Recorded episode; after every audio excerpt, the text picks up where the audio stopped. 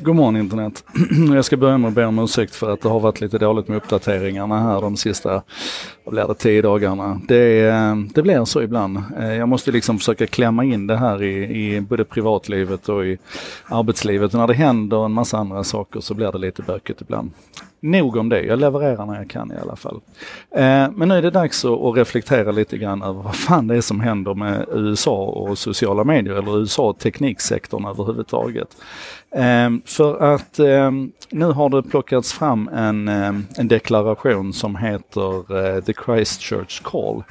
Eh, där Australien, Kanada, EU, Frankrike, Tyskland, Indonesien, Indien, Irland, Italien, Japan, Jordanien, Ny, eh, Holland, Nya Zeeland, Norge, Senegal, Spanien, Sverige och United Kingdom tillsammans med techföretagen Twitter, Microsoft, Youtube, Amazon, Quant, Google, Facebook, Dailymotion har skrivit under en slags deklaration om hur man ska försöka arbeta mot eh, terroristinnehåll på nätet. Och det finns jättemycket gott i detta. Det, man kan naturligtvis vara skeptisk rent generellt till den här idén om att, att techföretag och regeringar ska göra gemensam sak och sådär. Men det finns en, en god grund i att man ändå sätter sig ner vid samma bord och börjar diskutera det här. Och det är ju ingenting som är bindande i detta utan det är, vi kan väl kalla det för ett slags diskussionsunderlag. Och jag har funderat mycket på det men jag har ändå landat i att jag tycker det är positivt. Men ett företag, eller ett, ett land saknas här, en nation saknas och det är USA som har valt att ställa sig utanför detta.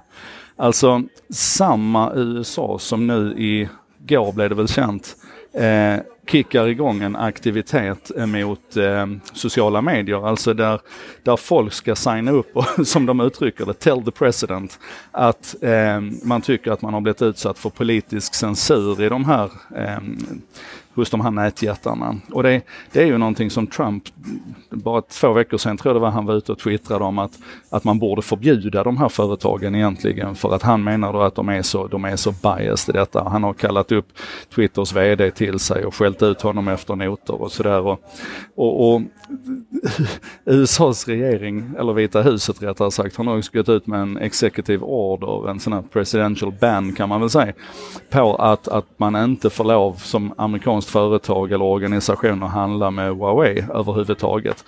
Och det blir liksom så total härdsmälta hos mig för att här har vi då en, en nation som är en av världens mäktigaste nationer, en av världens kraftfullaste, farligaste, mäktigaste nationer.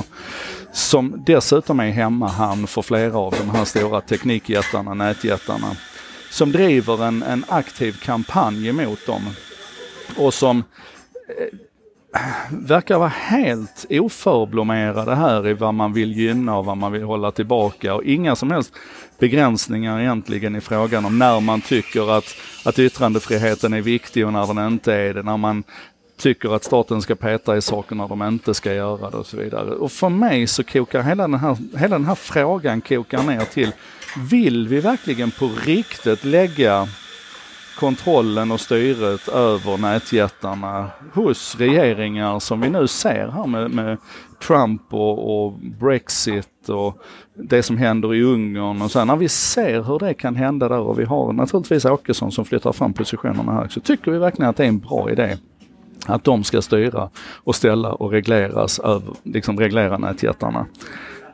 Du vet, vi kan ha mycket synpunkter på nätjättarna och deras makt och kontroll och sådär, men vi kommer inte ifrån att när det gäller våldsmonopolet, när det gäller rättigheten att plocka ut skatter, beskatta befolkningen, att, att, att verkligen på riktigt så här med potentiell järnhand styra hur, hur nationen ska styras och hur folk ska påverkas, så ligger det hos staten idag. Och då måste det för tusan vad det bästa vi kan göra att se till att vi har en stark och oberoende motpart som då för tillfället får vara nätjättarna. Jag, är bara, jag tycker att det saknas så många dimensioner i den här diskussionen och debatten som eh, behöver komma fram. Eh, så det får väl bli lite fokus här nu kanske då ännu mer ett tag framöver att försöka hålla koll på den här spänningen. För att som sagt det känns som om Trump verkligen liksom trummar på här nu är på hugget och det kan inte vara bra. Så eh, håll ögonen på det och så ses vi imorgon igen.